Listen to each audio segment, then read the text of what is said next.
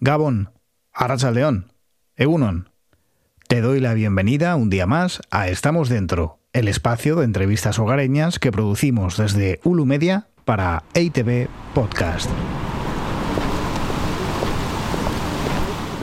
El penúltimo episodio de este año acontece en el barrio Donostiarra de Amara, en una tarde oscura y ventosa.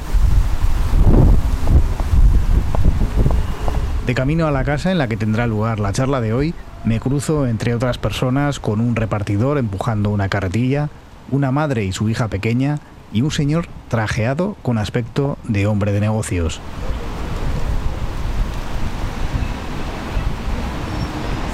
Todos presentan un aspecto normal, afable, aunque quizá, una vez terminada la entrevista, vea a toda esta gente con ojos distintos y ya no me parezcan tan inofensivos. Todos tenemos una cierta dosis de maldad. Todos somos psicópatas. Me dirá en breve mi anfitrión. Gracias, César. Con cierto ánimo provocador, pero también con rigor científico. Nació en Bilbao, pero está afincado en la capital guipuzcoana desde hace décadas. Hola, César. ¿Qué tal? Estás en tu casa. Muy buenas. ¿Cómo estás? Muy bien. Encantado. Gracias por... Un poco nervioso porque eh, me hace mucha ilusión esta entrevista porque es creo que es la primera que me hacen eh, sin haber habido un asesinato. por ahora, ¿no? por ahora. Entonces, por esa parte bien, pero por esa parte también me genera una cierta incertidumbre porque no sé qué me vas a preguntar. Bueno, pues algo de asesinatos hablaremos, ¿eh? Muy Yo bien. creo. Sí. Venga. Venga. Enseguida le conoceremos de cerca, pero ya os avanzo que es psicólogo criminal y fanático de los Beatles.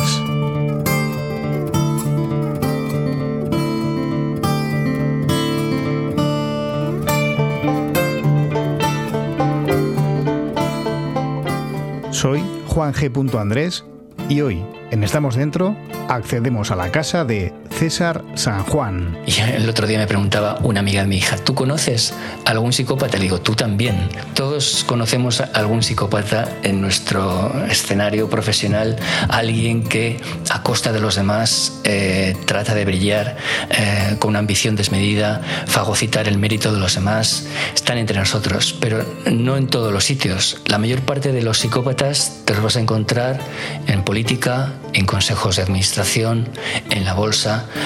La mayor parte de, los perfiles psicopáticos están en esas, en esas esferas, donde eh, el poder, la ambición, el psicópata va a encontrar ahí un hábitat muy confortable.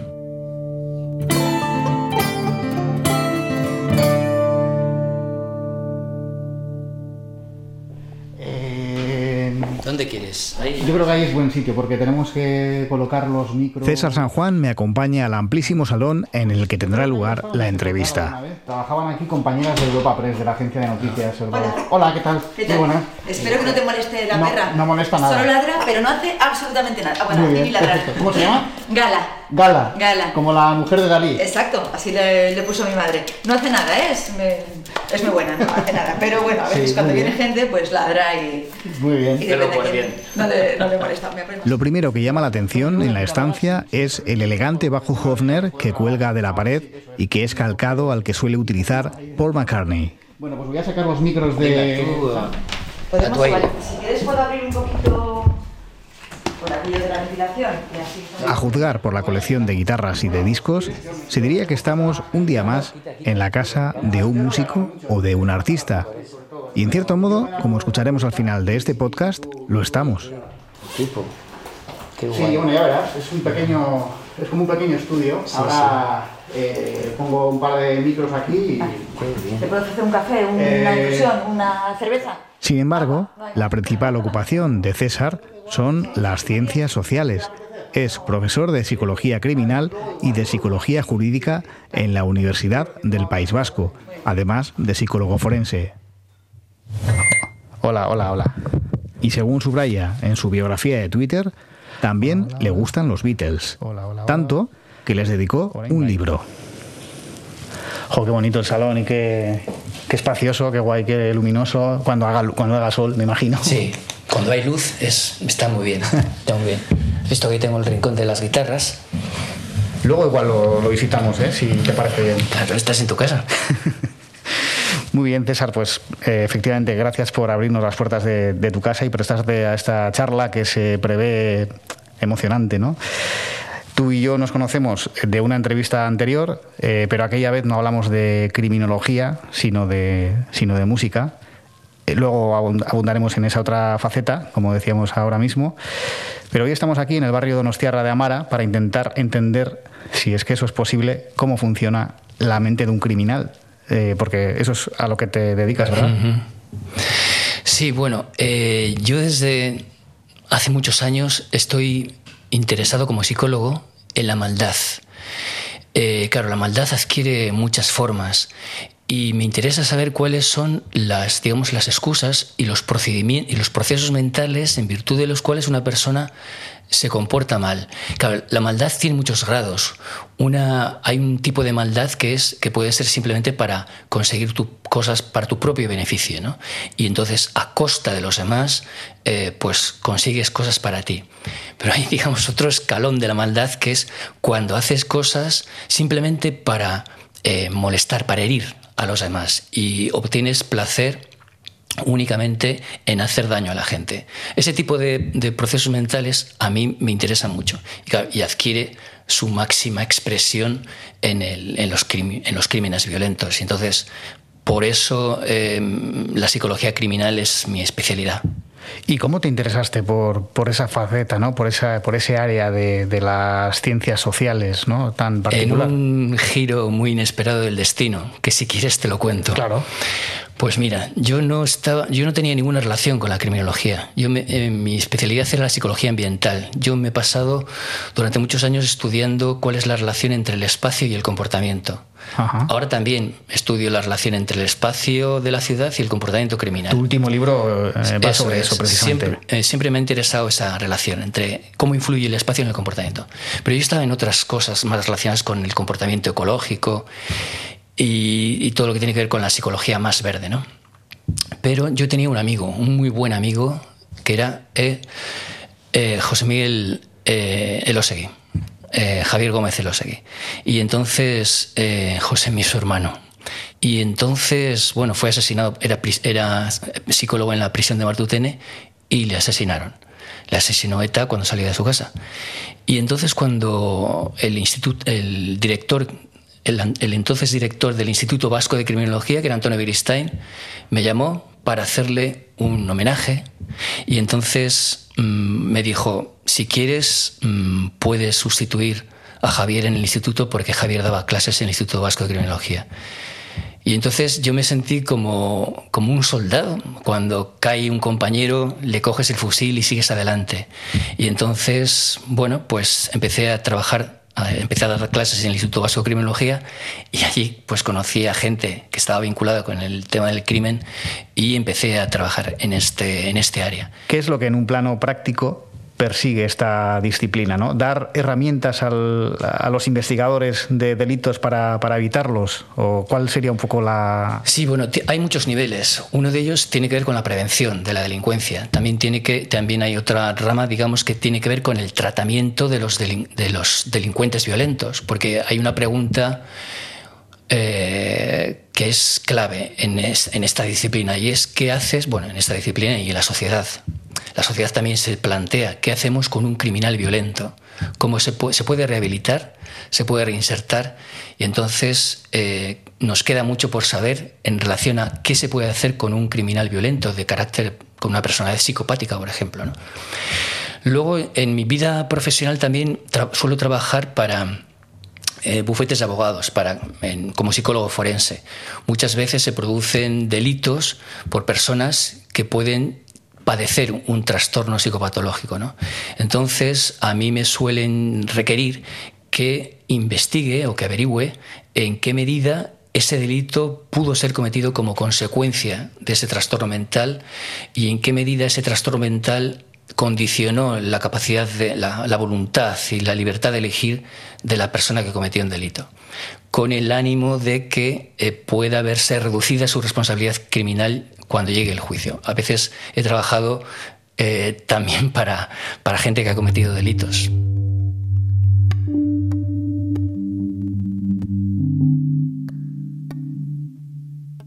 Ahora está mm, en prisión preventiva un individuo que eh, asesinó de varias puñaladas a otra persona en la, en la Plaza Cataluña, en Gros. Eh, está pendiente de juicio. Entonces, eh, el abogado de su defensa me ha solicitado que mm, haga un informe psicológico.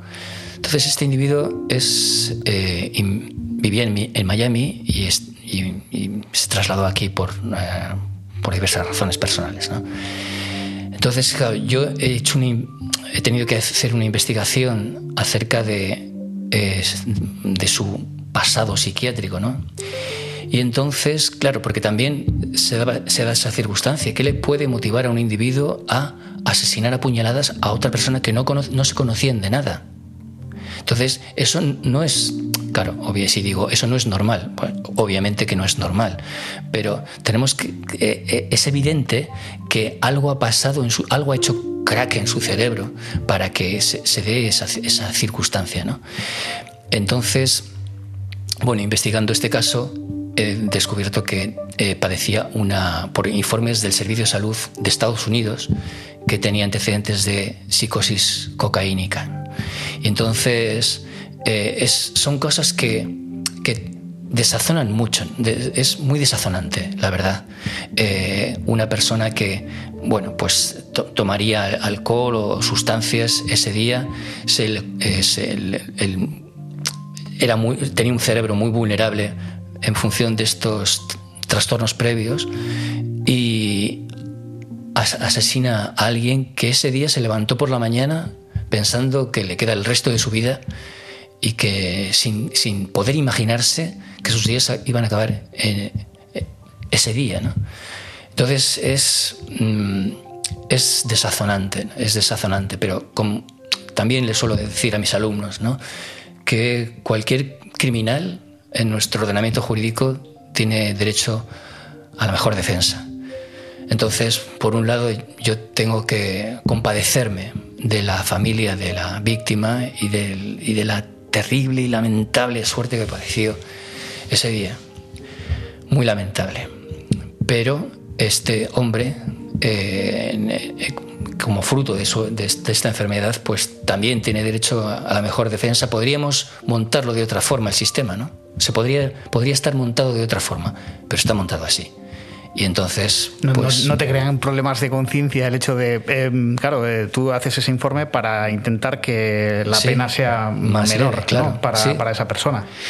Eh, pues em, vamos a ver. ¿Me crean problemas? No, me crea desazón. Es desazonante. Es desazonante porque, porque, porque es un hecho, es un hecho muy, muy dramático y ha habido mucha gente que ha sufrido. Entonces, yo empatizo con eso, lógicamente, y entonces mm, veo a la gente sufrir y, ese sufrimiento pues mm, también me hace sufrir, pero no es un problema de conciencia, eh, no es tanto un problema de conciencia, porque, como te digo, e, el sistema, nuestro sistema jurídico está montado así. Sí, es como darle un abogado, el mejor abogado a un criminal. Entonces, eh, eh, este individuo eh, a, mí me consta que tiene una psicosis, padecía una psicosis cocaínica en el momento del crimen y, creo que lo puedo demostrar y, es así.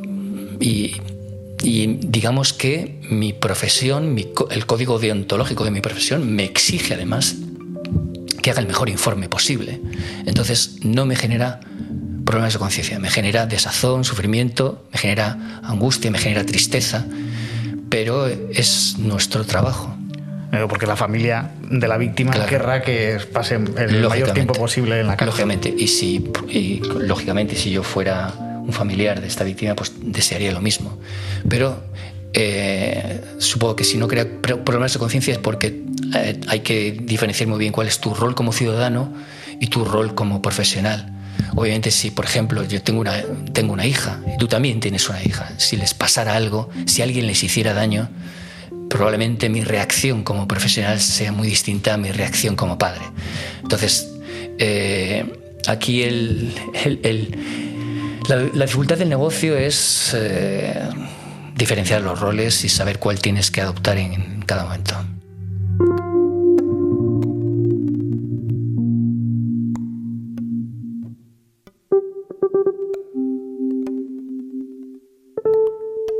Mientras me quedo rumiando esta última reflexión, me asalta otra pregunta. En el caso de los delitos violentos y atroces, ¿se puede decir que la mayor parte de los mismos están motivados por patologías psicológicas?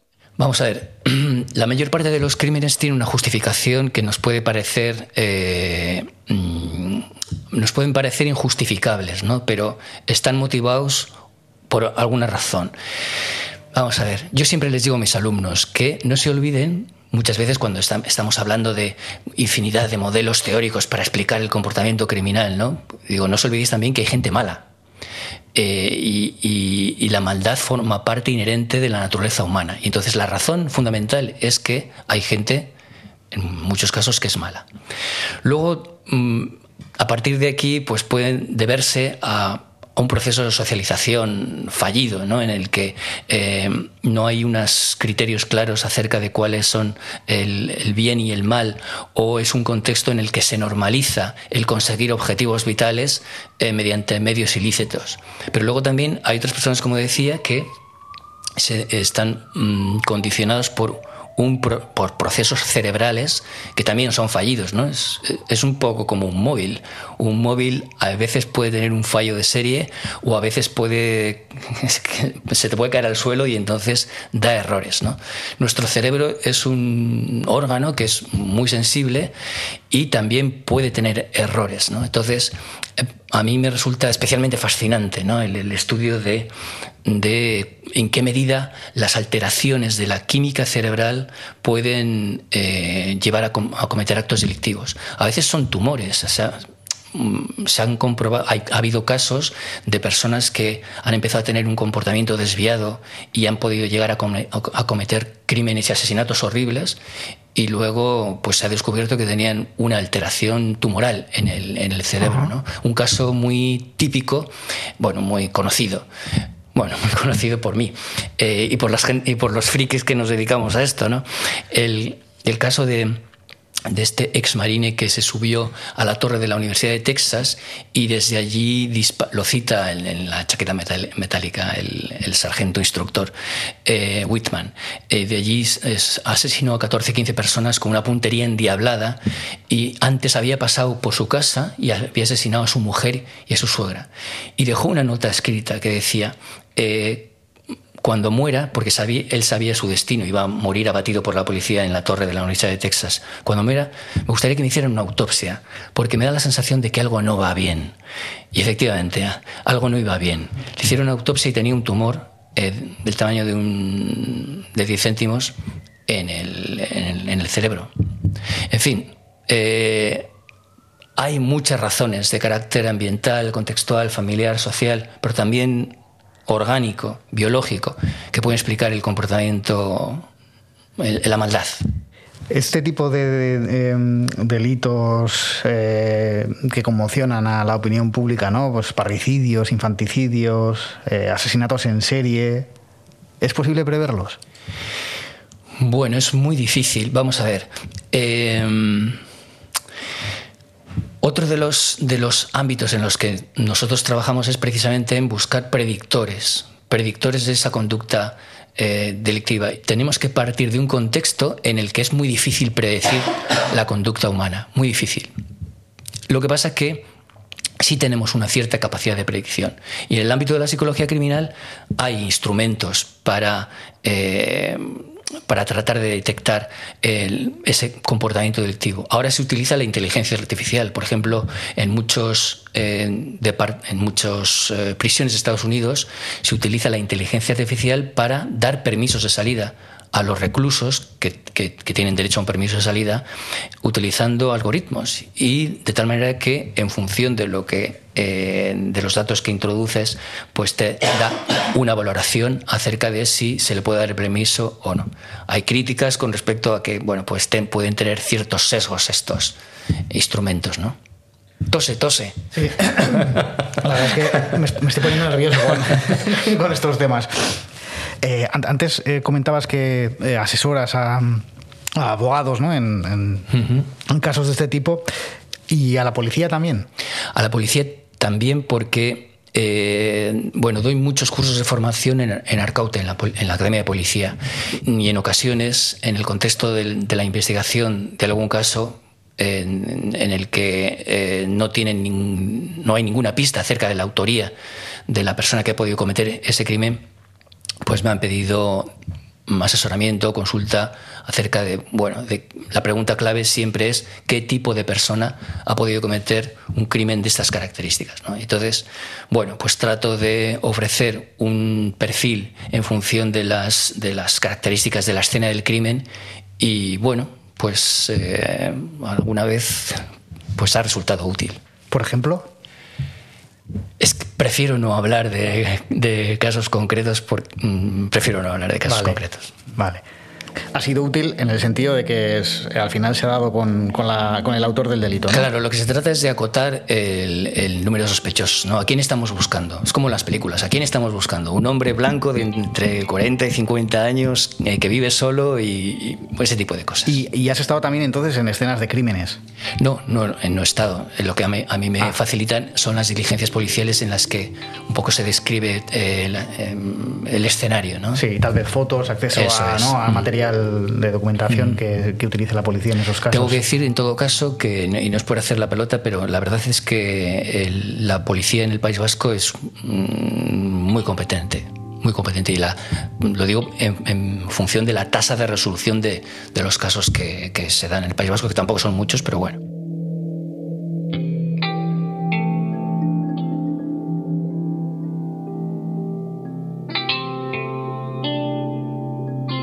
Antes decías, eh, para los frikis que nos dedicamos a esto, ¿te, consideras friki en cierto modo? Bueno, eh, despierta, siempre despierta un cierto interés eh, todos estos temas. De hecho, como te decía al principio, que me hacía mucha ilusión esta entrevista porque no habían matado a nadie para que lo hubiera motivado, ¿no? y, y es porque de alguna cada vez que hay un asesinato en el País Vasco pues me llaman de los medios de comunicación, para, de la radio, de la televisión, pues y también los periodistas preguntan eso, ¿no? También preguntáis eso. ¿Qué tipo de persona ha sido capaz de cometer un crimen de estas características? Eso quiere decir que, bueno, igual es que hay muchos frikis en la sociedad porque eh, lo, cierto es que despierta mucho interés mediático este tipo de casos. Y siempre tengo la misma sensación, ¿no? al responder a esa pregunta de qué tipo de persona ha sido capaz de cometer esto. ¿no? La, eh, la gente lo que espera, los periodistas, los medios de comunicación y también la sociedad lo, que espera es que yo describa a un ser perverso y con una patología clara, ¿no? porque así la gente, las personas lo entienden, entienden mejor el mundo, eh, se explica mejor el mundo. Esta persona ha asesinado, me estoy inventando, ha asesinado a sus hijos y entonces la gente espera que diga no, porque tiene un trastorno de la personalidad porque así lo entiendes, ¿no? Cometer... y te quedas como más tranquilo, ¿no? claro, es previsible. Entonces, eh, puedes decir, bueno, esto ha sido por esta razón, porque si no es, es, tan, es un crimen tan contra natura que, que, escapa a nuestro entendimiento, ¿no? Lo cierto es que no siempre es así. Eh, hay muchos casos en los que personas sin padecer ningún tipo de trastorno eh, cometen crímenes horribles y esos son precisamente los que más desconcierto causan a la sociedad y también los que más interés pueden despertar a, los psicólogos que nos dedicamos a esto. La jueza que investiga el crimen de las niñas de Tenerife lo tiene claro. Tomás se llevó a sus hijas para darles muerte de forma planificada y premeditada y deja claro que lo hizo con el fin de provocar un inhumano dolor a su expareja, la madre de las niñas. Según el auto, Tomás, tras acabar con la vida de las menores, las envolvió en toallas y las introdujo en bolsas de basura y estas, a su vez, en bolsas de deporte. Y todo eso que la jueza califica como actos atroces lo sitúa en su domicilio, en la finca de Este fragmento de una reciente crónica de sucesos refleja en toda su crudeza el tipo de delito que César San Juan considera más inexplicable, el peor acto de maldad que puede cometer un ser humano, acabar con la vida de un hijo. La, información que yo tenía de este individuo era a, partir de los medios de comunicación, no, no, tuve acceso a él, ¿no? pero no tenía ningún, no tenía ningún antecedente psiquiátrico, eso es más o menos eh, conocido. Eh, y entonces es lo que realmente desconcierta, ¿no? ¿Qué es lo que eh, siempre, esa es la otra pregunta clave. ¿Qué es lo que le pasa a una persona por la cabeza para cometer un acto de estas características, ¿no? Para asesinar a, tu propio hijo, ¿no? Tu propia descendencia. Es, es algo tan... Lo que más quieres en el mundo y, le arrebatas la vida. en este caso, para hacerle daño a su mujer, probablemente, ¿no? Sí, esa es una de las, eh, de las estrategias habituales. Para, eh, digamos que esta, cuando hablamos de maldad, digamos que es la, maldad más absoluta, ¿no? ¿Se te ocurre algún acto de perversión y de maldad que vaya más allá de esto? Es que es inimaginable. Para hacer daño a alguien, asesinas a tu hijo. No, no, se, no se me ocurre nada peor, ¿no? Hasta dónde puede llegar eh, el ser humano. Y, eso es realmente lo que, lo que a, mí me intriga. Son dudas que, que me suscitan mucho interés. Es, eh, supongo que a, todo el mundo le causa cierto desconcierto. Yo necesito saber por qué. Necesito saber por qué le, qué le motiva a una persona para llegar a ese punto. Lo necesito saber porque, eh, no, sé, es el, el, motor que, de, de, de mi profesión. ¿no? ¿Y se llega a saber realmente? Pues a veces es difícil. Eh, hombre, te encuentras indicios y, y realmente luego cuando de este caso en concreto, pues tengo poca información, pero realmente de los casos que tengo más información, también es cierto que cuando empiezas a escarbar, tú dices, no tenía ningún trastorno, era una persona normal. Bueno, eh, normal, normal, mm, cuando empiezas a escarbar un poco, tampoco, porque eh, siempre encuentras algún tipo de, de, relaciones conflictivas o de, o, de, infancias eh, fallidas o de ah, problemas de autoestima eh, mal gestionados, al final siempre te encuentras con algún tipo de, de cosa extraña, ¿no? Pero luego también me pregunto, ¿quién no, quién no tiene un parámetro extraño en su vida, ¿no?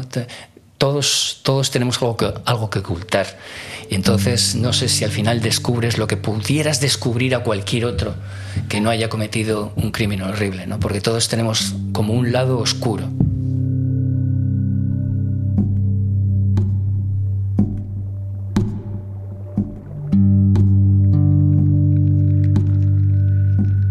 ¿Cómo se puede controlar ese lado oscuro? Bueno, eh, las personas, como decía aquel, las personas que se buscan a sí mismos merecen el castigo de encontrarse. Eh, si nos escudriñamos a nosotros mismos, probablemente no encontremos que es, eh, es todo trigo limpio. por eso te decía que para mí la maldad es un objeto de estudio muy, muy interesante, porque en alguna medida, claro, no es algo ajeno a a, una serie de individuos. No hay la, humanidad no se divide en individuos buenos e individuos malos. Todos tenemos una cierta dosis de maldad. Y cuando hablo de la psicopatía, por ejemplo, yo les suelo decir a, mis alumnos, en parte también para provocarles, ¿no?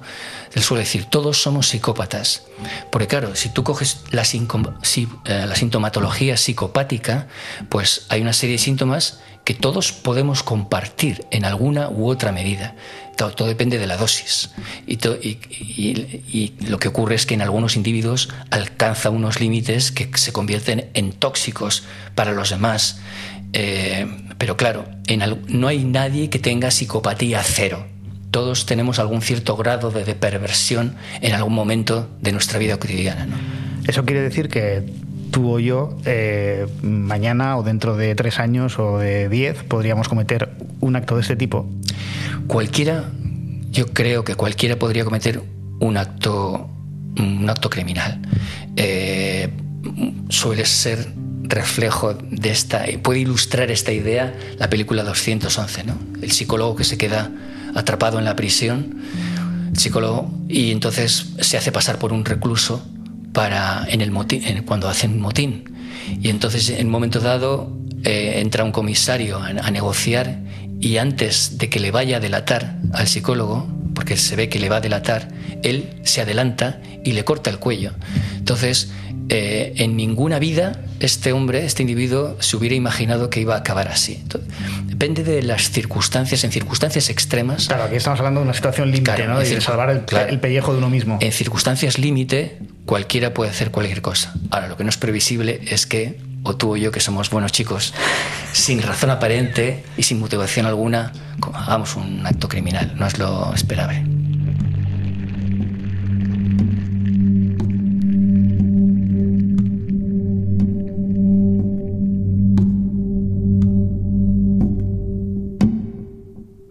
escribís juntos una novela policíaca inspirada en el mundo del tenis. No es mala idea, Mark. ¿Te inventarías el crimen perfecto? Nada me gustaría más. ¿Cómo empiezas una novela policíaca? Eh, me olvido del desenlace y me concentro solo en el crimen. Imagino que quiero robar algo o matar a alguien. ¿Eso es lo que haces? Interesante. Procuro ponerme en el lugar del asesino y no dejo de preguntarme, ¿bien? ¿Y ahora qué hago? ¿Crees que existe el crimen perfecto? Mm, desde luego. En la ficción. Y creo que soy capaz de concebirlo mejor que mucha gente, pero dudo que pudiera ponerlo en práctica. ¿No? ¿Por qué no? Porque en la ficción las cosas salen como el autor quiere y en la vida real no. Por lo general. Imagino uno que acabara como mis partidas de bridge cometiendo un error tonto y sin darme cuenta hasta que se quedaran mirándome. Apresúrate. ¿Existe el crimen perfecto? Mucha gente de mi profesión te va a decir que no existe el crimen perfecto. Eh, yo creo que sí sí, a veces suelen decir, no existe el crimen perfecto, existen investigaciones mal desarrolladas. Bueno, esto está muy bien como titular, pero yo creo que sí existe el crimen perfecto, en tanto en cuanto a mí me consta que son investigaciones que han tenido todos los recursos disponibles, que se ha hecho todo lo posible, que se han, eh, digamos, analizado todas las evidencias y no se han esclarecido. Ya te he dicho que no en el País Vasco, porque aquí tampoco es que haya muchos crímenes, ¿no? Pero digo eh, si me preguntas como pregunta global en, relación al si existe el crimen perfecto, sí, porque ha habido investigaciones muy buenas de crímenes que no se han podido, eh, no se ha podido esclarecer el autor. Esos crímenes han sido perfectos. ¿Algún ejemplo que tengas en la mente? Hombre, aquí ha habido algún caso en, no lo recuerdo cuándo, pero un asesinato de una farmacéutica que hubo en Vitoria. Eh, ese, ese, crimen, que ya desde. Eh, han pasado ya creo más de 20 años y está prescrito. Ese crimen se quedó sin resolver y fue una investigación muy exhaustiva. Eh, en, el que, en el que se analizaron todas las pruebas, todas las evidencias, pero era un crimen perfecto en el sentido de que no se pudo encontrar al autor.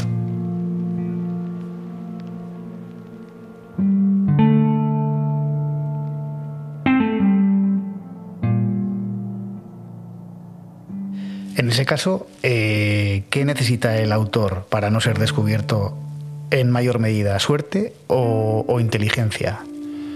Hombre, la suerte le puede acompañar, pero básicamente es la inteligencia eh, lo que le va a hacer que, lleve, que consiga el, éxito. ¿no?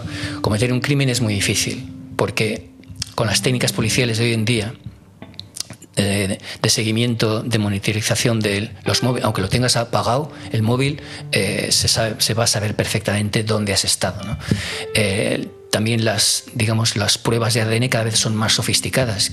Quiere decir que eh, mm, cada vez se necesitan menos en resto biológico para identificar el ADN, de tal manera que cometer un crimen perfecto es cada vez más difícil porque cada vez las técnicas policiales, la tecnología, es cada vez más sofisticada. Una de las cosas que nosotros eh, tratamos de analizar e identificar en ese perfilado criminal al, ver la escena del crimen es lo que llamamos la conciencia forense. Es decir, eh, las precauciones que ha ido asumiendo el delincuente para no ser descubierto. Entonces, en función de las precauciones que he ido tomando, las medidas de autoprotección, tú puedes hacer una valoración de la experiencia criminal que tiene, ¿no? Y también de su capacidad y de su inteligencia, de su temple, de su preparación.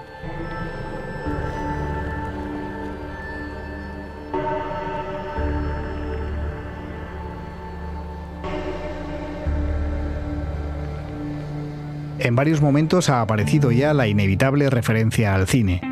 Antes, por ejemplo, escuchábamos un fragmento de Crimen Perfecto, el clásico de Alfred Hitchcock de 1954. Y ahora aprovechamos para preguntarle por los tópicos más infundados del género. Digamos que el clásico es que todos los psicópatas son criminales, todos los psicópatas son asesinos. Y esto es, no es así. De hecho, la mayor parte de los psicópatas no están en prisión. Y, y ahora viene la frase políticamente incorrecta. ¿eh? Ya lo he anunciado. Están entre nosotros. Están entre nosotros, pero no en todos los sitios. La mayor parte de los psicópatas te los vas a encontrar en política, en consejos de administración, en la bolsa. La mayor parte de, los perfiles psicopáticos están en esas, en esas esferas, donde eh, el poder, la ambición, eh, la, codicia eh, constituyen elementos fundamentales en, en, esos escenarios, pues el psicópata, el psicópata va a encontrar ahí un hábitat muy confortable.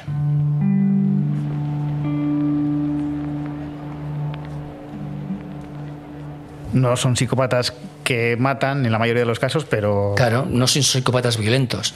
Porque, como lo que te digo, insisto, la mayor parte de los psicópatas no son violentos, eh, no lo necesitan, eh, porque los vamos a encontrar ahí. Entonces digamos que hay como...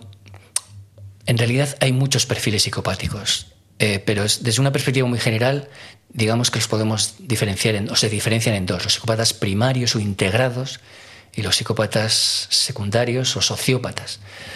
Entonces, estos sociópatas con una personalidad más antisocial son los que vamos a encontrar en, en prisión. También menos inteligentes, eh, más impulsivos, más violentos. Pero el psicópata primario, el psicópata integrado, como muy bien dices, decías, viven entre nosotros. Y, el otro día me preguntaba una amiga de mi hija, ¿tú conoces algún psicópata? Le digo, tú también.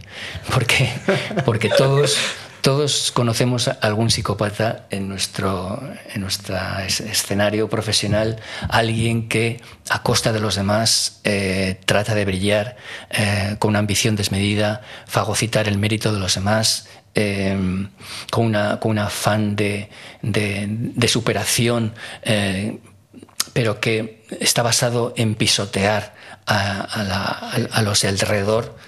Pues cuando nos encontramos con un individuo así, pues lógicamente podemos decir que puede tener una personalidad psicopática. Motivo, medios y oportunidad, los tres pilares de la investigación criminal en el último siglo. Pero estamos en 1977 y de repente el motivo se vuelve esquivo. Lo que le pasa a estos hombres es normal, pero la forma en que lo procesan no lo es. Y nuestro objetivo es encontrar ese porqué. La pregunta no es solo por qué lo hizo el asesino, sino por qué el asesino lo hizo así. Ahora estamos hablando de psicología. Es como si ya no supiéramos qué empuja a una persona a matar a otra. Y volviendo al terreno del audiovisual, esto que acabamos de escuchar era el tráiler de la serie Mindhunter, una ficción casi perfecta en palabras de César. El, realmente está basada en hechos reales. Entonces, todo el proceso que se ve en la película en relación a cómo se diseña el método de perfilado criminal y también los criminales que salen, pues realmente eh, forma parte de, de, la historia del, del FBI, real del FBI. Sí, los testimonios creo que estaban tomados de, sí, sí, directamente sí. de las actas y... Sí, entonces, pues me parece muy fiel. Eh, no, no, tan fiel era CSI, ¿no? que eh, eso está más relacionado con lo, que con lo que se llama criminalística, son los que investigan el delito, ¿no? Eh, en base a las evidencias físicas que se encuentran. Eh, lo que pasa es que estos individuos en la serie también hacían, digamos, investigación de campo y se iban a entrevistar a no sé quién y a veces les veías con un arma porque estaban, habían casi cogido al... Eso no lo hace nadie de un laboratorio de criminalística. Los que están en el laboratorio de criminalística no salen del laboratorio de criminalística. Digamos que estaban mezclados dos roles policiales distintos en los mismos personajes. Eh, por ejemplo, eso, en, en Mindhunter, de la, la, serie de la que hablábamos, allí eh, los protagonistas se entrevistan con con criminales, con eh, psicópatas y demás. Uh -huh. ¿Tú eh, has hablado con algún sujeto de este tipo que haya cometido un crimen o una serie de crímenes? Sí, sí, claro. Siempre tienes en la, en la, memoria el primer caso, ¿no? luego, luego se me desdibujan todos, ¿no? Pero me acuerdo eh, que hace ya muchos años, como digo, eh, fui a entrevistar a un individuo que era, vivía en las Islas Canarias y bueno, en un momento dado, en un momento dado, este individuo eh, se bajó, de, cogió un autobús de una línea que no había cogido nunca, se bajó en una parada, en un sitio que no había estado nunca, entró a una zapatería que no había entrado nunca y allí a la dependiente le asestó cuarenta y pico puñaladas. Y entonces eh, se quedó eh, catatónico en el suelo, con las manos ensangrentadas. Entonces, al cabo de un rato entró un cliente, vio la escena y llamó a la policía. Cuando llegó la policía, el tipo seguía en la tienda, eh, sentado, con la, con la mano en... O sea, no llegó ni a robar ni... No, no. No. No, había, no, había, no existía ese móvil de, claro, del no, ningún móvil. Eh, y entonces, claro, fue a, fue a prisión y le cayeron no sé cuántas decenas de años. ¿no? Eh, lo, lo que pasa es que en este caso me llamó mucho la atención porque desde mi punto de vista era evidente que tenía algún tipo de eh, eso, eso solo puede obedecer a algún tipo de lesión neuronal. Si nosotros vemos ese caso y no hay ningún tipo de móvil ni ningún tipo de razón, obviamente eh, la, tiene que haber algún tipo de lesión neuronal.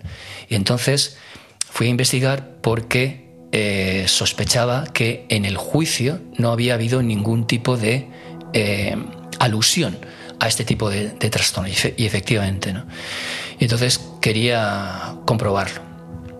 Y entonces estuve, eh, lo, entrevisté en, en, la, en, la, cárcel y, bueno, fue realmente muy, fue como una pesadilla, ¿no? porque era un individuo con una pulsión criminal muy intensa. Veías como y, para mí, efectivamente, confirmé, era evidente que tenía algún, algún tipo de trastorno. Entonces, bueno, hice alguna sugerencia, le hice alguna sugerencia sobre, sobre la posibilidad de que visitara al psicólogo de la cárcel y me dijo que no conocía al psicólogo de la, de la prisión. Entonces, en fin, es un caso, este típico caso que también te deja una desazón muy...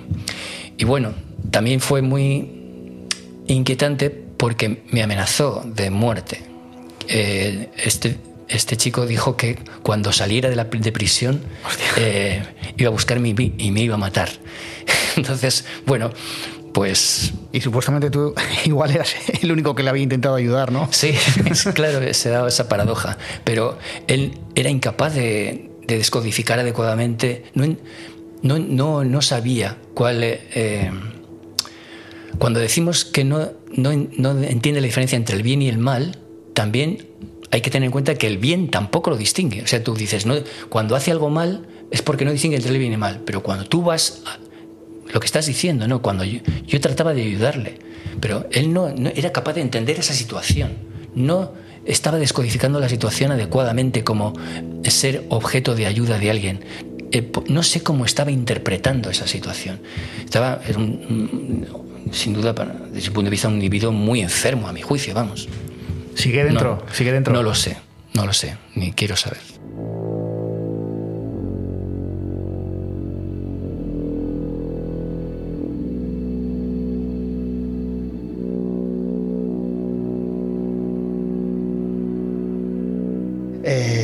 Es, posible entrar en la mente de, de un individuo de estas características? Eh, eso también, yo creo que también eso forma parte también de la herencia cinematográfica, ¿no? Sí, es una pregunta muy En la mente muy, del criminal. sí. Eh, es que a mí lo que me gustaría eh, que la gente entendiera es que muchas veces la mente del criminal no es, un, no es algo tan diferente a la mente de todos los demás. ¿no? Mira, siempre cuento la misma anécdota. Hubo una asesina, de una asesina en serie de ancianas en Barcelona. Y, y, entonces esta señora, la asesina en serie, trabajaba en un bar. Y, y entonces cuando, cuando la capturaron, cuando se descubrió todo, eh, pues entonces un periodista fue a, a entrevistar a parroquianos de ese bar, ¿no? Sí, que dijeron seguramente que era una persona normal, súper agradable, siempre saludaba. Claro, entonces, eh, y, siempre que hay una, un caso de esto, siempre dice, joder, parecía normal y parecía tan amigable y, es, y, a, un señor que le hicieron la entrevista en este bar dijo, joder, parece mentira, hacía unos bocadillos de tortilla de patata muy buenos. Entonces, claro, mm, parece contraintuitivo que una persona mala eh, no, la notemos por la calle, ¿no? No es, no es verde ni va echando sulfatos a medida que camina, e incluso puede hacer buenos bocadillos, ¿no? Entonces, eh, la mente del criminal es muy compleja, pero la mente de cualquiera de nosotros lo es también. Entonces, bueno. ¿Y a qué asesino histórico te gustaría entrevistar, ¿no? O, en la mente, por seguir un poco abundando en esta vena así un poco cinematográfica, en la mente de qué criminal célebre o igual no tan célebre te gustaría entrar para entender eh, el crimen que cometió?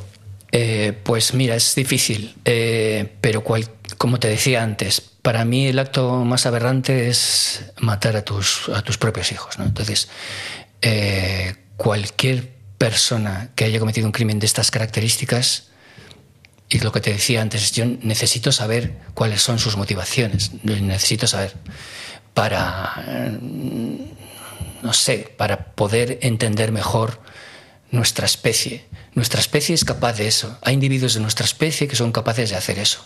Entonces, yo necesito desentrañar esa... esa... También, miras, en este sentido, te, voy a contar una cosa. Sabes que estaba yo muy interesado en entrevistar a la, madre de Asunta, la niña gallega china adoptada, que, fue asesinada por sus padres. Por los dos padres se pusieron de acuerdo. Eso es. Hmm. Entonces, eh, yo hice gestiones, es un caso de lo como los que estoy contando. Yo necesito saber cuál era su motivación. Claro, ella parte de la idea, ella sigue, seguía proclamando su inocencia en prisión. Entonces, yo yo veo eso, yo necesito hablar con esa mujer, necesito entender esto. Y entonces hice las gestiones y ella aceptó. Y entonces ya tenía eh, comprado el billete de avión, ya tenía la cita con ella en, prisión y estaba yo muy, muy ilusionado por, pura intriga científica para hablar con esta mujer. Y en ese momento la psicóloga de la prisión eh, Mm, recomendó que no fuera a hablar con ella. Ella estaba en un programa de prevención de suicidio y decía que no sabía, no podía prever cuáles iban a ser las consecuencias de mi conversación con ella. Entonces yo me quedé hundido en la miseria muy mal.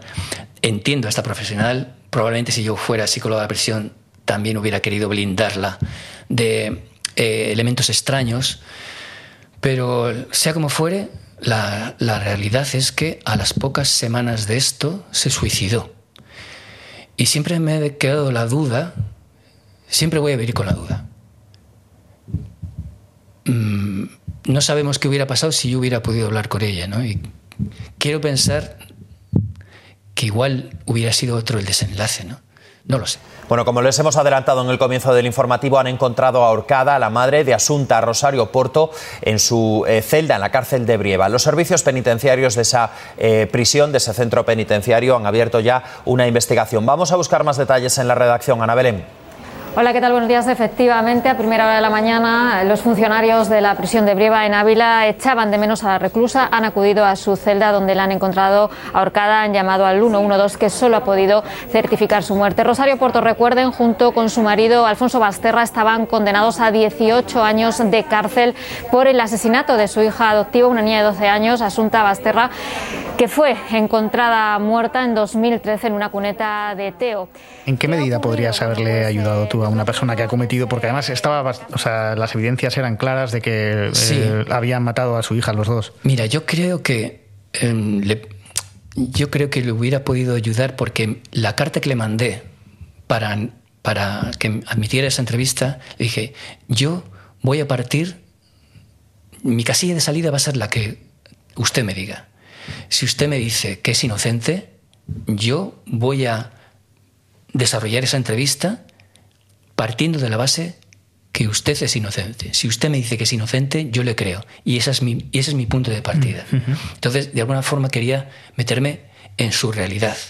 Porque yo tenía la sensación de que cuando proclama su inocencia, no está mintiendo. A veces la percepción de la realidad también es muy compleja. Entonces, yo tengo la sensación, igual estoy equivocado, de que esta mujer eh, pudo haber cometido este crimen. Eh, probablemente, yo tengo la sospecha de que muy influenciada por el contexto y como mecanismo de defensa ha anulado su participación en este crimen. Y entonces su percepción de la realidad es que no ha sido. Y su, y su, porque realmente su actitud, su conducta en prisión era compatible con, con, con no reconocer los hechos. Entonces, la verdad jurídica es que efectivamente mató a su hija, pero yo creo que ella no lo, está no lo estaba viviendo así. Es como se suele decir, claro, en un nivel mucho menos extremo, ¿no? De esta gente que se cree sus propias mentiras. Exacto, exacto. Entonces, ella, supongo que como mecanismo de defensa, eh, ha construido unos antecedentes que, que, si la verdad jurídica es cierta, pues no, no han sucedido muy vulnerable. Una verdad, ella se ha construido su propia verdad, pero una verdad que era como un castillo de naipes, porque lo cierto es que acabó suicidándose.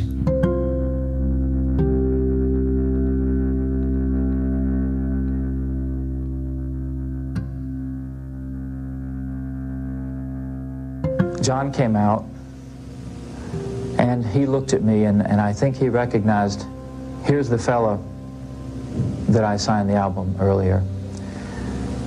And uh, he walked past me. I took five steps toward the street, turned, withdrew my Charter Arms 38, and fired five shots into his back. What did Yoko do?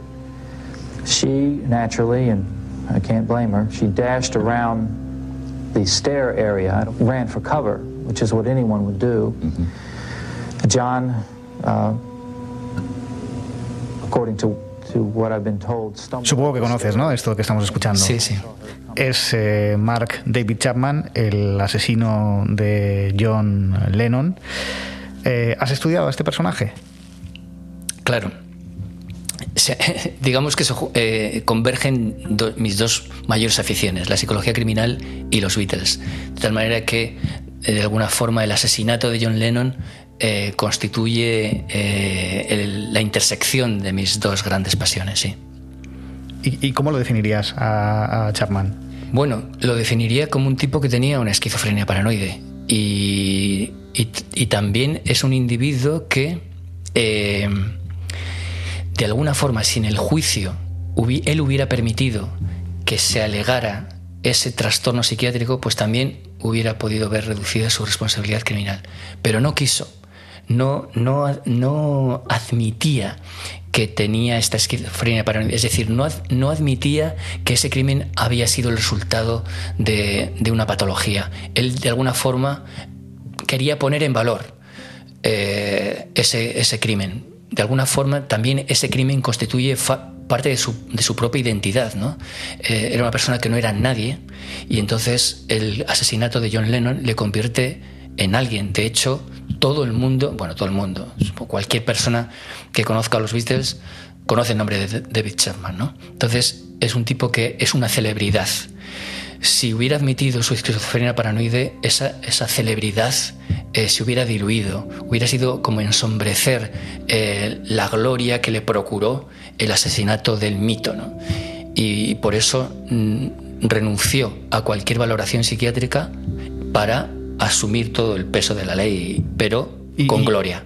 Y sigue en la, en la cárcel. Y sigue en prisión, sí. Y le han denegado, bueno, no sé Varias veces. Sí, ¿no? Le han denegado los, permisos y. Como diez veces ya. Sí. Y lo hizo por. Es que más, eh, alguna vez en cartas que, ha dirigido a la opinión pública ha reconocido que lo hizo por, por, pura. Eh, vanidad, por, gloria. Tú has sí, gloria. es eso. De, alguna forma es muy frecuente en, en estos estas personas que atentan contra celebridades. De, normalmente lo que hay detrás hay muchas razones, ¿no? Pero una habitual suele ser un problema de autoestima, de una, una sujetos que son o ellos perciben que son absolutamente irrelevantes eh, en su contexto social, ¿no? Y de alguna forma eh, tratan de fagocitar la, la, fama de, de, de, quien mat, a quien matan o contra, o contra quien atentan. Eh, si tuvieras la oportunidad de entrevistar a uno de los dos, ¿a quién elegirías? ¿A David Chapman o a Paul McCartney? Buena pregunta. Eh, eh, sin, sin, duda, pues, iba a decir, creo que, sin duda, para que veas mi grado de confusión, pero bueno, supongo que al final elegiría a Paul McCartney. De, hecho, eh, me haría el hombre más feliz del mundo entrevistar a Paul McCartney, sí. Y si hablamos de maldad, que es de lo que llevamos hablando ya casi, casi una hora, podríamos hablar de quien muchos consideran la mala de la película de los Beatles, que es Yoko Ono. ¿A ti qué te parece el personaje? Eh, me bueno, eh, me parece el personaje me parece una mujer, bueno, mm, un poco con muchos perfiles, muy poliédrica, con, una personalidad compleja, lógicamente, pero yo ya desde hace muchos años, y, lo, tengo por escrito en el libro que escribí sobre los Beatles, no creo, ni mucho menos, que tenga nada que ver con la separación de los Beatles. Cualquiera que conozca un poco más de cerca la historia de, cómo fue la gestión de la disolución de esa empresa, que al final era una empresa pues sabe que, que Yoko no, no, tiene no juega ningún papel aquí. Al final los Beatles se habrían disuelto igualmente, ¿no?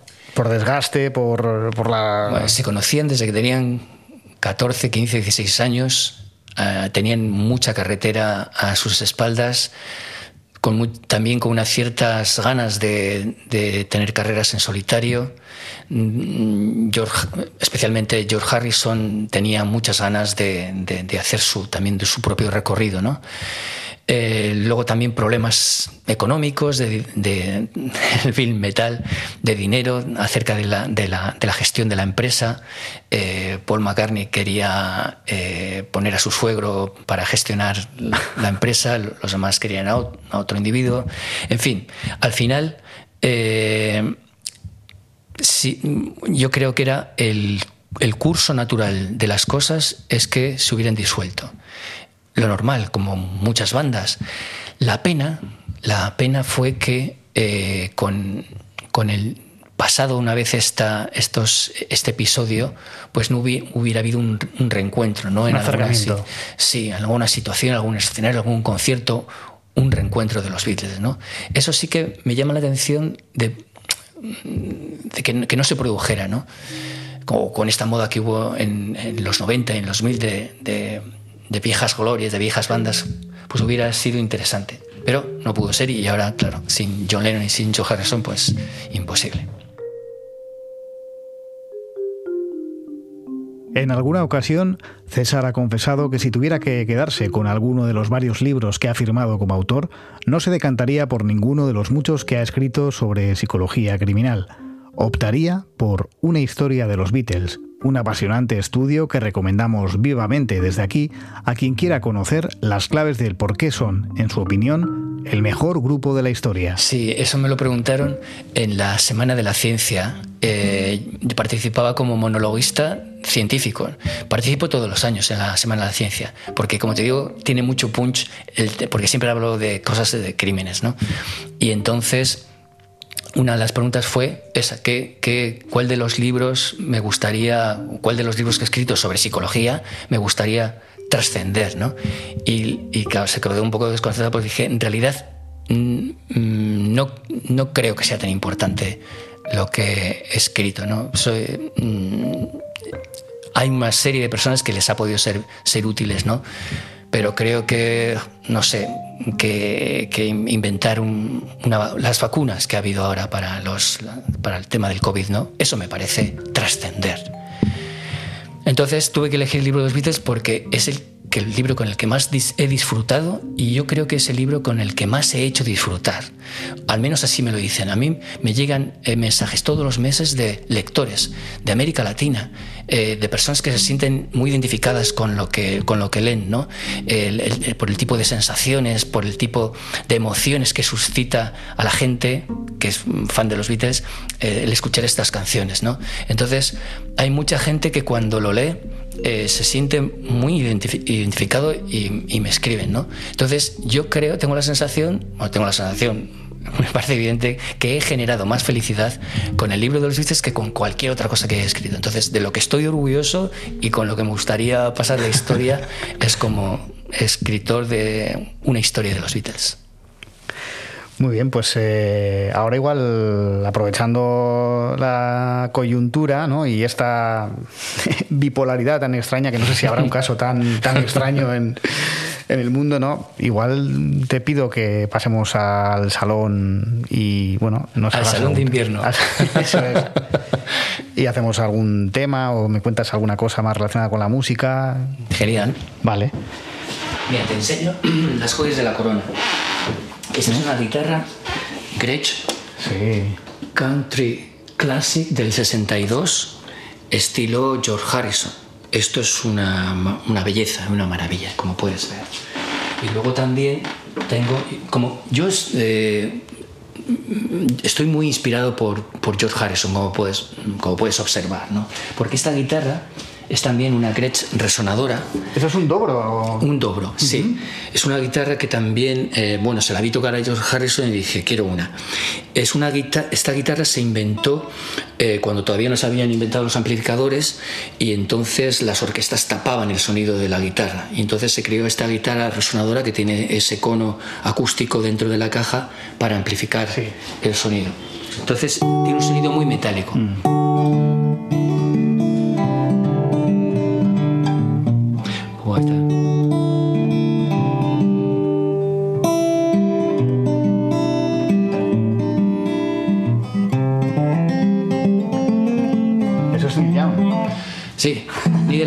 Eso es. ¿Ves cómo suena? Tiene la amplificación aquí. Es una, guitarra curiosa. Y luego aquí tengo una española y una acústica que bueno, en, función de las circunstancias, pues... Y luego la de los domingos, que es la que utilizaremos para, para, luego para... Eso es, luego la de los domingos, que es la acústica, es una Taylor, que es una maravilla de guitarra, que se la tengo en la caja. Y luego tengo este bajo Hofner, estilo violín como el de Paul McCartney. Exacto, es que es el de McCartney, sí. Que es, eh, te cuento, que yo llevo tocando la guitarra desde que tenía 15, 16 años, pero el bajo lo estoy tocando desde, desde hace dos. Eh, porque no me imaginaba yo que pudiera ser tan divertido, ni me imaginaba que yo tuviera especiales competencias para tocar el bajo. Pero he descubierto un, instrumento que, eh, que es súper divertido, te lo pasas cañón con el bajo. Y entonces es para mí como una droga. O sea, yo eh, toco ahora eh, todos los días el bajo, no, no, puedo llegar a casa y no poderme tocar el bajo, me hace desconectar porque realmente te genera una burbuja de placer. Eh, en la que te quedas dentro con, con, esta maravilla de instrumento. Y luego también, pues como te digo, me, me resulta súper divertido. Y luego también soy muy aficionado al ukelele. Como ah, aquí ves, tengo un ukelele que también lo aprendí a tocar cuando hicieron un concierto homenaje a George Harrison, pues Paul McCartney hizo una versión de Something con el ukelele y que me gustó mucho. ¿eh? Y digo, a ver, ¿cómo sonaría? Pues también es... Something in the way bueno, etcétera, etcétera. Pero vamos, que es un instrumento que también es muy divertido. O sea, el ukelele y el bajo realmente son instrumentos que mm, yo me lo paso pipa con ellos. Y, en fin, y, este es mi. Y tienes aquí eh, amplificador también, un pequeño amplificador. Sí, este es el amplificador box para el bajo. Luego tengo otro amplificador detrás para la guitarra, son pequeñitos, son para casa. Y luego un plato para escuchar los vinilos en, los vinilos, que vamos. Que los, tienes por aquí la vista, sí. Que sí, que también me gusta escuchar los vinilos en... Eh, cuéntame, aparte de los Beatles, ¿qué otras cosas te, te gustan? Porque supongo que eclipsan todo lo demás, sí, ¿no? es que eh, son, dos ligas distintas. O sea, están los Beatles y luego todo lo demás. Entonces, la mayor parte de la música que, que oigo son los Beatles. Yo los Beatles los oigo todos los días. Es más, te voy a contar una perversión para que veas que esto sí que soy verdaderamente friki. En el coche tengo toda todo el catálogo de la música de los Beatles y cada canción es eh, la reproducida dos veces. cada canción de los Beatles la oigo dos veces seguidas. La primera. Esto sí que no lo hace nadie, ¿no? Es una psicopatía, ¿no? puede aproximarse bastante. Y entonces la primera audición es una audición eh, de experiencia estética, de dejarme llevar de puro, puro placer, me, me, dejo arrastrar por la música. Y la segunda audición es una audición técnica, en la que pues me gusta escudriñar qué es lo que hace el bajo, qué es lo que hace la guitarra, arreglos. cómo resuelve la batería Ringo Starr. Ha llegado un momento en que a, a mí me ponen la pista de la batería, solo la pista de la batería de una canción de los Beatles y sé qué canción está tocando, porque Ringo Starr, eh, digamos que inventa un recurso diferente para cada tema, al menos a mí eso me lo parece. Entonces, como te digo, la segunda edición es más técnica, pero bueno, esto que quede entre nosotros y no lo vayas contando por ahí, que sí me suena un poco raro, incluso cuando yo lo cuento. ¿Y eso, qué otras? Ah, sí, eh, eh, pues no, mira, yo música de los... a partir de los 80 yo no, conozco mucho, no oigo mucho. Entonces, mira, Bruce Springsteen, David Bowie, eh, los Kings, Stevie Wonder, estoy viendo los Modi Blues, pues toda esa música de los 60, 70, eh, con una especial atención a David Bowie. O sea que si, tuviera que colocar un músico entre los Beatles y todo lo demás, mm, pues David Bowie ocupa un lugar especial. También Neil Young, Crosby, Stills St. John me gustan mucho. y luego en música en español, pues soy un fanático de los Panchos, Silvio Rodríguez, los boleros me encantan. Eh, en fin, Pablo Milanés, esas cosas que habíamos mm. cuando éramos jóvenes. Me hace porque eh, repasando antes la entrevista que aquella que hicimos a cuenta del libro La historia de los Beatles, eh, eh, sacaba esa colación la, eterna comparación entre, entre Beatles y, Stones. Yo no, soy un, integrista que dice ah, los, los, Beatles son lo mejor, los Rolling Stones no. No, en realidad también confieso que alguien me va a matar también confieso que, que, los Rolling me gustaría que me gustaran. o sea, los oigo con, con intención de, con una actitud muy positiva, pero no acabo de encontrar, eh, no acabo de encontrar el punto. Me parece eh, un defecto que yo lo encuentro en los Rolling Stones es que me parece toda la obra muy similar. Eh, así como pones un disco de los Beatles y pones el cualquiera y pones otro después y es ya es un universo estético completamente diferente. En cada eh, álbum había una vuelta de tuerca de inventiva y creatividad diferente. Yo no distingo las épocas en los Rolling Stones, me parece todo lo mismo. Pero bueno, supongo que habrá opiniones al respecto. Eso, posiblemente los, los Beatles y la música sea eh, lo único que te provoca o te, te, brinda una pasión eh, equivalente ¿no? con respecto al, a la psicología criminal. ¿no? Claro, sí. Eh, digamos que son como dos grandes pasiones y que además mm, me proporcionan equilibrio, ¿no? porque la psicología criminal no deja de ser, como te he dicho antes, ¿no? desazonante. A veces, eh, a mí lo que me mueve es el interés científico, pero el interés, a veces con el interés científico eh, acaba sufriendo, porque como te decía antes, los que se buscan a sí mismos merecen el castigo de encontrarse. Lo mismo pasa con la especie. Yo busco, busco las, digamos, la naturaleza de nuestra especie y a veces el castigo es encontrar el lado oscuro de esa naturaleza. Entonces, por otro lado está la luz, la esperanza, la música. La música es muy transformadora también. La música es eh, una de las armas más poderosas de transformación social, pero también de transformación interior. Entonces, yo pues creo que es, de alguna forma, creo que soy mejor persona eh, gracias a la música.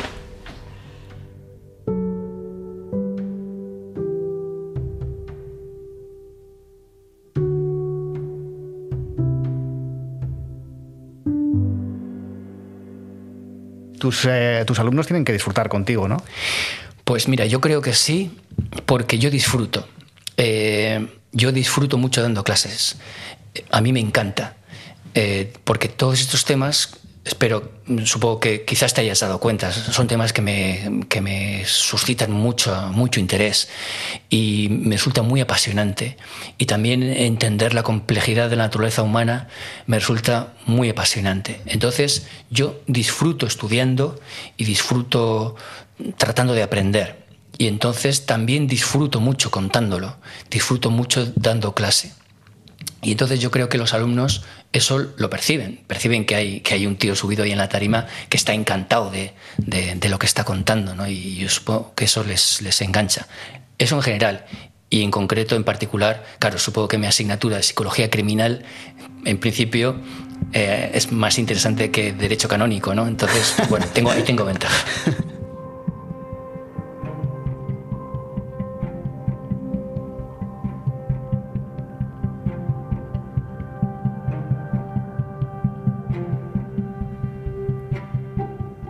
¿Cómo ves, eh, al principio de la conversación ha salido, eh, ha asomado el tema, eh, la cuestión de la reinserción? ¿no? Este tipo de sujetos, tanto un maltratador como los autores de delitos más extremos todavía, que de los que hemos hablado antes, ¿pueden encontrar su sitio después en la sociedad? Sí, por lo general sí.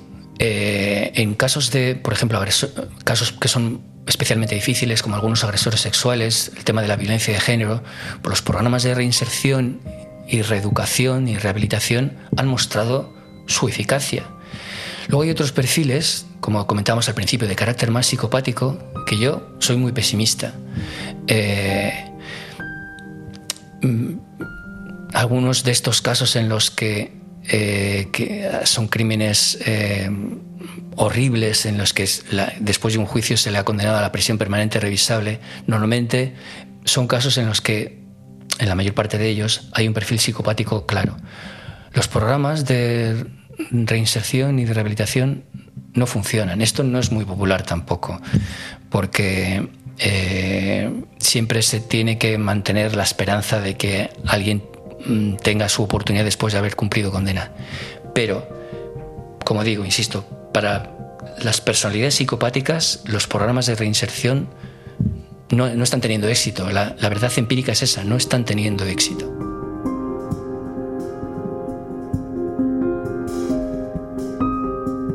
En octubre de este mismo año, un hombre fue arrestado en La Rioja tras matar a un niño de nueve años. El detenido tenía antecedentes por agresión sexual a otra menor en 1993 y había cumplido más de dos décadas de cárcel por el asesinato y la violación de una mujer en 1998. ¿Es la prisión permanente revisable la única solución a estos casos de reincidencia? Es, otro debate, ¿no? Lo de la prisión permanente revisable, sí o no. Entonces, yo creo que em, Vamos a ver, cuando se discute la prisión permanente revisable, se discute si es a favor o en contra, y si es en contra es por razones humanitarias, se dice que es anticonstitucional. Bien, y yo estoy de acuerdo. Lo que ocurre que no nos podemos quedar ahí. Quiero decir, eh, una persona que tiene una evidente pulsión criminal, que con los conocimientos que tenemos actuales no encontramos la forma de reducir esa pulsión criminal. Una vez que cumpla condena y salga a la calle, la sociedad tiene que decidir qué es lo que hace, cómo, se protege. Entonces, de acuerdo, entonces es inhumana la presión permanente revisable. Entonces, pero no, ahí no acaba la discusión. A mí lo que me fastidia es que se zanje ahí la discusión. ¿Vale? No es el camino. Le oí decir el otro día a una jueza, no es el camino. Si en eso estamos de acuerdo, pero ahora ya tenemos que entrar en una nueva fase en la que discutamos cuál es el camino. Entonces, alguien que tiene una pulsión criminal irrefrenable, hay que decidir ¿Qué, se hace qué se hace en esos casos? Es lo que ocurrió con el, el, hombre este de Laredo, creo que fue, que el otro día también cogió a un chico, a un niño, a un niño pequeño del parque y, lo, y lo, asesinó, lo mató y eh, había pasado en la cárcel también, no sé, 20, años o más de por haber matado a alguien, ¿no? Sí. Y en cuanto salió, eh, ha vuelto a matar. Entonces, puede, la, la, respuesta puede ser, una respuesta puede ser, eh, vivimos en una sociedad compleja, vivimos en una sociedad de riesgo y digamos que ese es el precio que hay que pagar por vivir en una sociedad compleja en la que hay individuos que son capaces de matar. Y entonces, al que le toca, le toca. Y otra opción es, ¿estamos dispuestos a pagar ese precio? ¿Qué alternativas hay? ¿Qué opciones tenemos? ¿Y la respuesta a esa pregunta?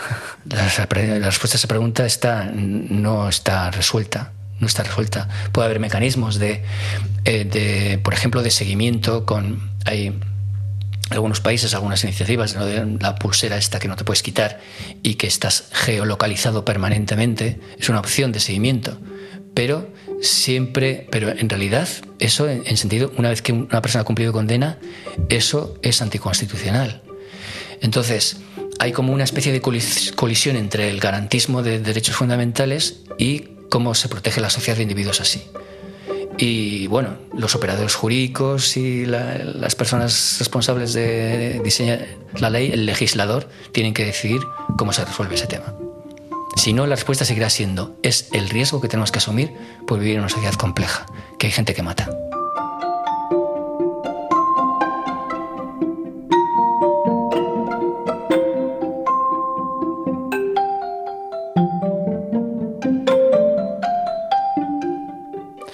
Euskadi, la situación, antes apuntabas que no, no, hay, no hay un índice de criminalidad muy, muy alto, no sé, supongo que en comparación con, con, otras zonas del planeta más o menos homólogas. Sí, hombre, eh, si tú lo comparas con zonas de América Latina, por ejemplo, pues sí, irrelevante, ¿no? Pero bueno, si nos comparamos con regiones sociodemográficamente comparables, también, lo que te decía antes, España en general y el País Vasco en particular tienen una de las tasas de delincuencia más bajas, no de Europa, del mundo y el País Vasco en particular. Eh, puede, hacer, puede haber, como estamos viendo, una cierta sensación de inseguridad. ¿no?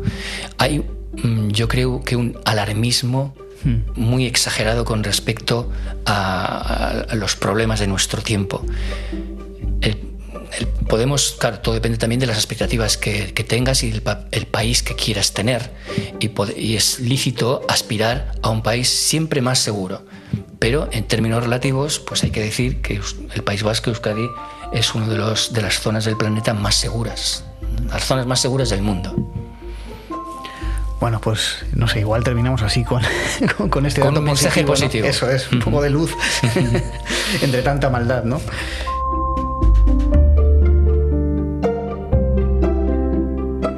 No se vayan todavía, que falta el bonus track final aunque les advertimos de que la próxima semana será el último Estamos dentro de este año.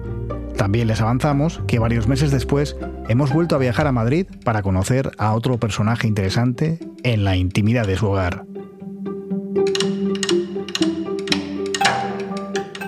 Si lo que has escuchado te ha gustado o al menos interesado, suscríbete, recomiéndanos a tus amistades y deja tus comentarios en nuestras redes sociales. Tampoco olvides escuchar nuestro podcast Siamés, Barruan Gaude, conducido en euskera por mi compañero y amigo Oyer Aranzábal. Te emplazamos a la semana que viene con el habitual Cuídate mucho y con César San Juan afinando ya la guitarra de los domingos para una despedida sorpresa.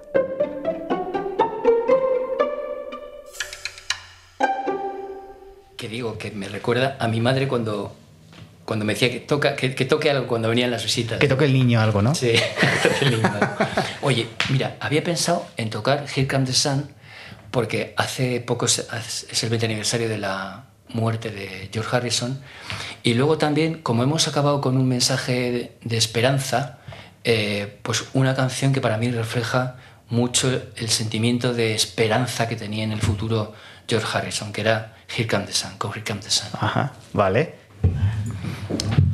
¿Tú cómo cantas? ¿Eh? ¿Qué tal cantas tú? mal, en la ducha. Porque, claro, ¿me puedes ayudar en el San San Here it comes? Yo, yo quería cantar una, pero creo que, creo que se me ha vuelto en contra. Vale, a ver. Eh, bueno, tú me digas. Listo.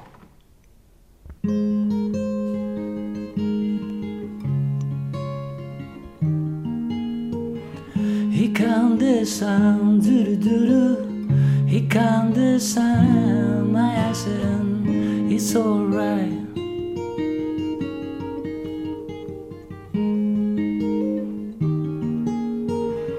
Little darling, it's been a long, cold, lonely winter. Little darling, it feels like years it's been here. Yıkandı sen duru the Yıkandı I my him, It's alright.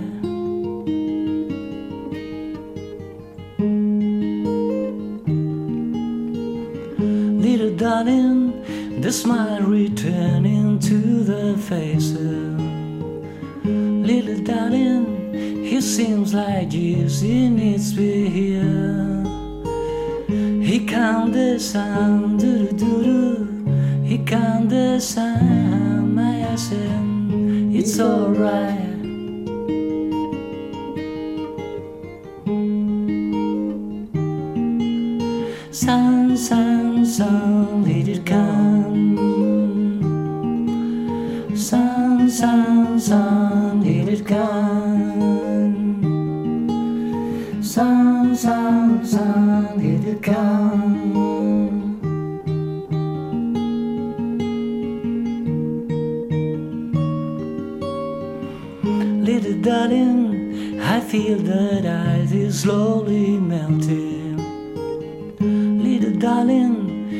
seems like this, needs to be clear. He can't descend, do do do. He can't descend, I said, it's alright.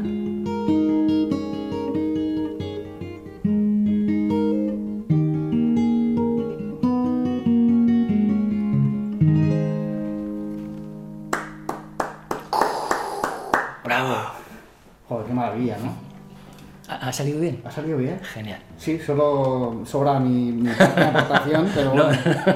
la próxima vez intentaré ensayar las, las armonías. Ei, txt, entzun hori. Ulu Media.